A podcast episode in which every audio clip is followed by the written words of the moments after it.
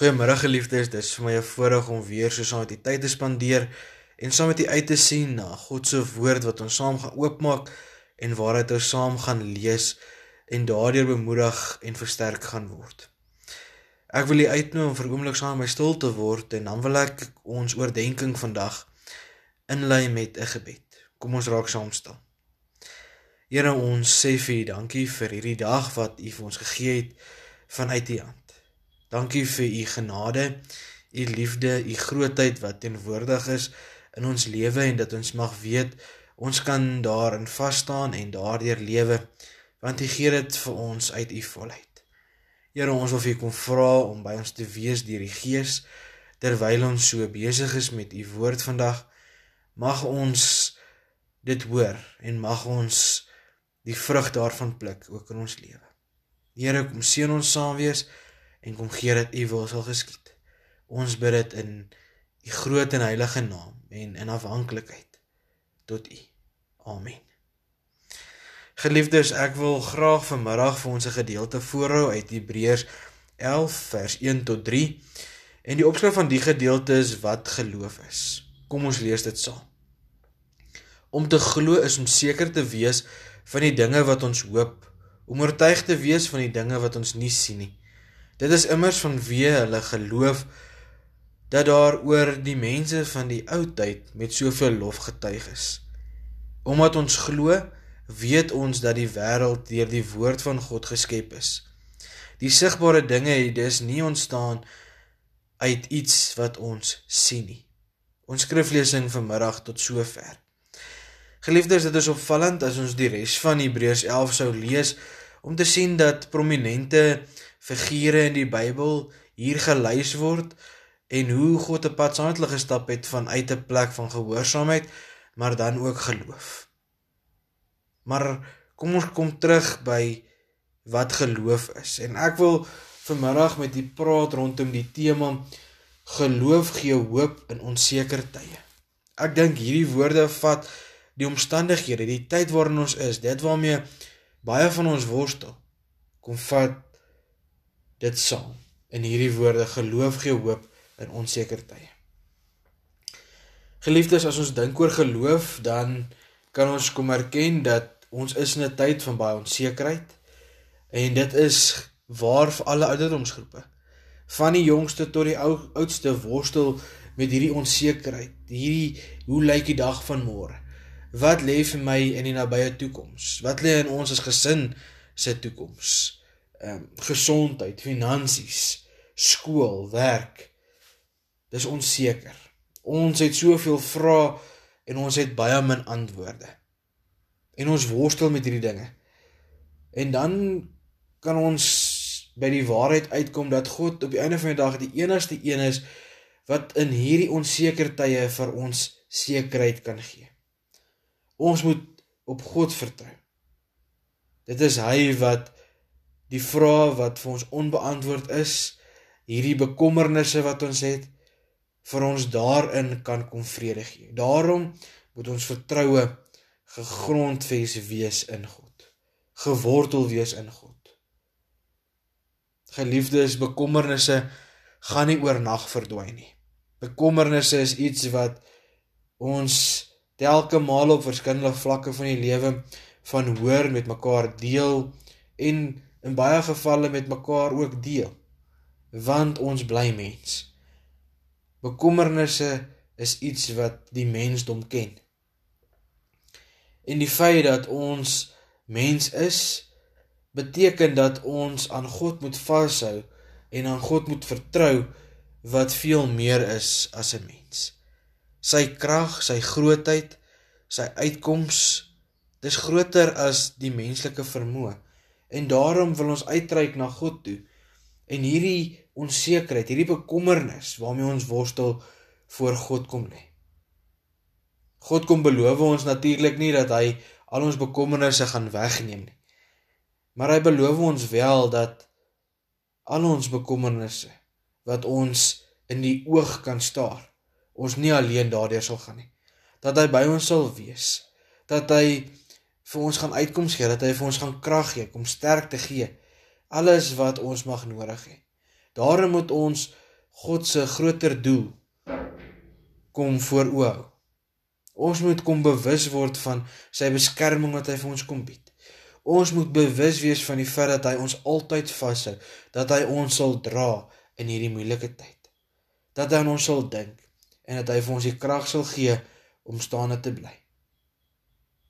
Geliefdes, ons toekoms is nie vir ons duidelik nie. Ons wonder daaroor.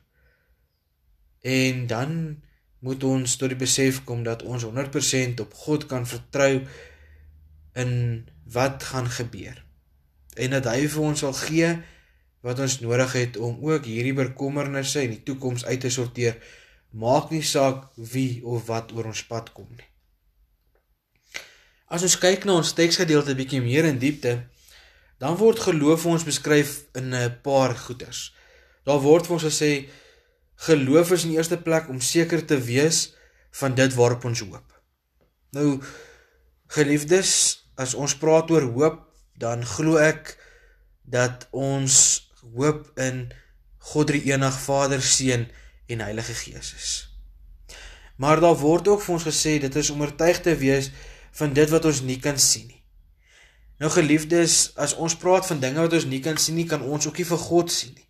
Ons kan die werk van God, die handeling van God deur die Heilige Gees in ons lewe sien.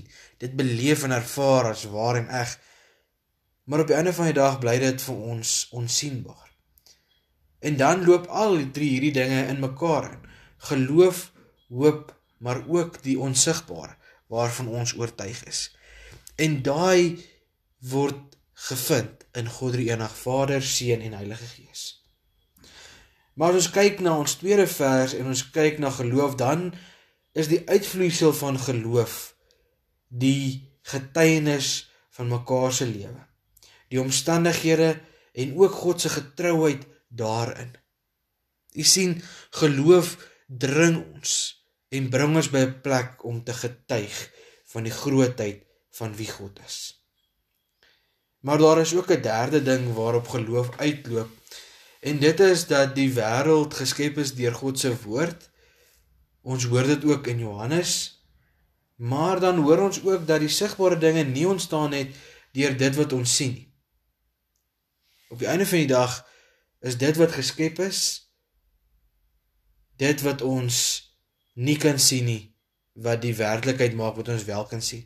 En dit kom terug tot geloof en vertroue. Geloof en vertroue is dit wat vir ons laat weet dat dit wat ons het, die wêreld, alles hier om ons, dit wat ons met mekaar deel, uit God se hand uitkom. En dat hy dit vir ons kom skep het uit die onsigbaarheid. Want hy is almagtig, hy is groot en hy is by mag om te kan skep uit niks. Geliefdes, as ons worstel met hierdie noemde tema geloof gee hoop in onseker tye. Dan is dit wat vas staan. Geloof. Geloof wat gebou is op hoop, want die hoop is op God die enig. En ja, ons is in onseker tye, maar in hierdie onseker tye is dit God die enig, Vader, Seun en Heilige Gees waaraan ons kom vasklou, waaraan ons kom vertrou, waaraan ons ons sterkte kom vind want ons weet God staan vas. Vandag, môre en elke dag. Nou ons leer dit ook uit die ver, verlede uit, maar ons sien ook daarna uit met die hoop en die verwagting dat dit so sal wees in die toekoms. Ek wil vir los as 'n laaste woord met 'n uitdaging vandag. En dit is wanneer jy bekommerd en onseker is, dalk bang is, soek rus by God. En om dit prakties te maak, wil ek u uitnooi om stil te gaan raak by jouself en 'n lyste gemaak van al die positiewe dinge in jou lewe en al God se beloftes. Wat jy sommer so eerste oogopslag, eerste denke wat by opkom kan neerpyn. En dan wil ek u uitnooi. Bring hierdie bekommernis, hierdie onsekerheid, hierdie gevoel van bangheid bring dit by God. Gaan lê dit by hom neer en vra vir hom om u rus en vrede te gee daarmee.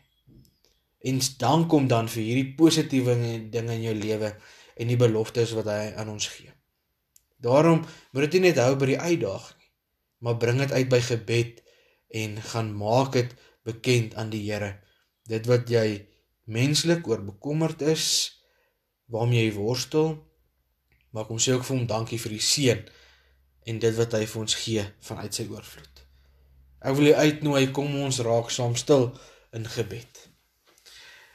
Here Jesus Christus, dankie vir die voorreg wat ons mag hê om saam met mekaar weer so rondom u woord vandag te kan stil word en te kan weet Here dat geloof wat in u is vir ons ook die hoop gee.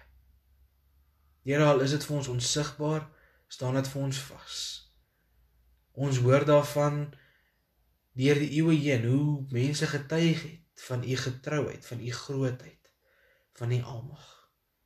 Here gee dat ons ook geloof en hoop in u sal hê en dat dit op die einde van die dag ons sal beweeg in 'n rigting dat ons sal begin getuig vanuit ons eie lewe maar ook vanuit mekaar se lewens van hoe u teenwoordig is en werk daarin. Here kom gee dat ons sal weet dat u grootheid en almag ver bo ons verstaan, bo ons begrip is. Daarom weet ons Here, u het ook omskep heel aan die begin deur die woord vanuit die onsigbaarheid u geskep dit wat sigbaar is. Here kom gee dat ons vanuit hierdie krag van skep sal kom leef. Dat ons sal weet hierdie selfde krag is in ons elkeen se lewe teenwoordig en werkend. Here, ons is in 'n moeilike tyd. Baie van ons vra die vraag: Glo ek genoeg? Is my geloof sterk genoeg? Here, kom gee dat ons die geloof 'n voorwaarde sal maak tot u sorg, u omgee nie. Maar dat ons sal weet uit u genade kom gee u vir ons 'n lewe in oorvloed. En gee dat ons daarop sal antwoord natuurlik met geloof maar ook 'n lewe van dankbaarheid. Dat ons sal weet u liefde strek vir ons veel verder as wat menslike verstand kan vasvang. Here, daar waar ons bekommernisse het, daar waar die toekoms vir ons onseker is, wil ons vir u vra, Here, kom wees getrou van die jongste tot die oudste dat ons sal rus vind by u. Dat u vir ons sal vrede gee in die wete u sal ook voorsien dit wat ons nodig het. Maar Here gee dat ons sal berus by u tyd en u wil. Dit is nie altyd maklik nie, Here. Daarom vra ons vir u maak ons sterk. Kom gee ons die geduld, kom gee vir ons die volharding. Kom gee vir ons dit wat ons nodig het om elke dag in te sien en deur te sien. Here kom hou u hand oor elke gelowige kom maak hulle sterk in hulle omstandighede. Het sy dit siekte is, Here? Het sy dit fisiese uitdagings is, Here, het sy dit verlies is. Here, kom gee ons die krag om daar uit te styg en aan U die eer te gee daarvoor.